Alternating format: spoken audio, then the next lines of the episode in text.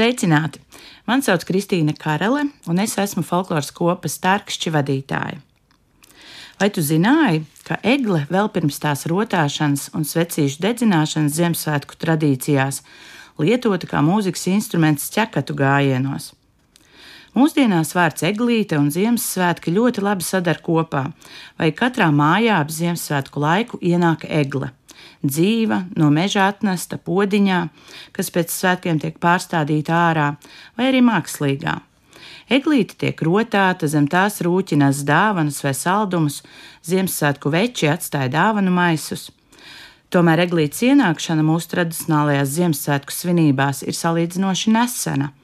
Kaut arī dažos vēsturiskos avotos ziņas par eglītes rotāšanu Latvijā ir pat no 16. gadsimta, ejot pat tik tālu, ka daži pētnieki uzstāja, ka pirmā eglīte dedzināta tieši Rīgā 1510. gadā.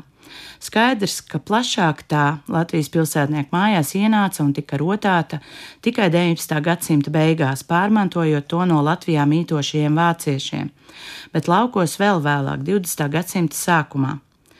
Krietni senāk latvieši pazinuši un lietojuši mūzikas instrumentu eglīte.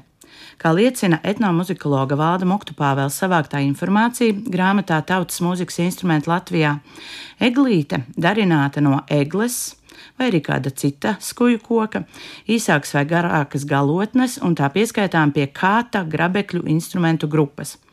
Mūsdienās labi zināmais trideksnis ir seno laiku eglītes jaunākais brālis. Mūzikas instruments eglīte galvenokārt tika lietots kāzās, kur egles, spriedzes vai kadiķa īsāka vai garāka galotne tika nomizota, zari pieliekti pie vidējā koka un piesieti.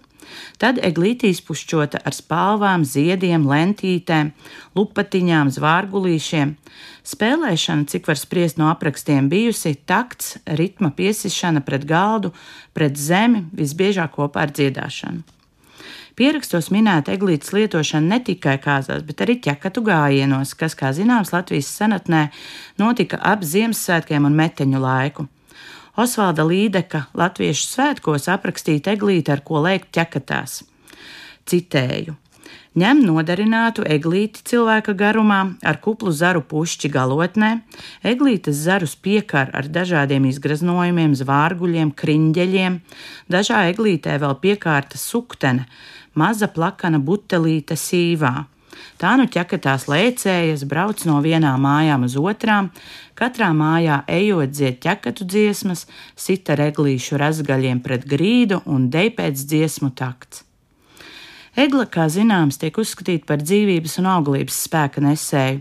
Reglītēm agrāk kāzās rotāts pajūgs, kāzu nams, tāpēc viegli saprotama un pieņemama ir arī eglītes ienākšana mūsu mājās mūsdienās uz Ziemassvētkiem, kad viss atdzimst un sākas no jauna.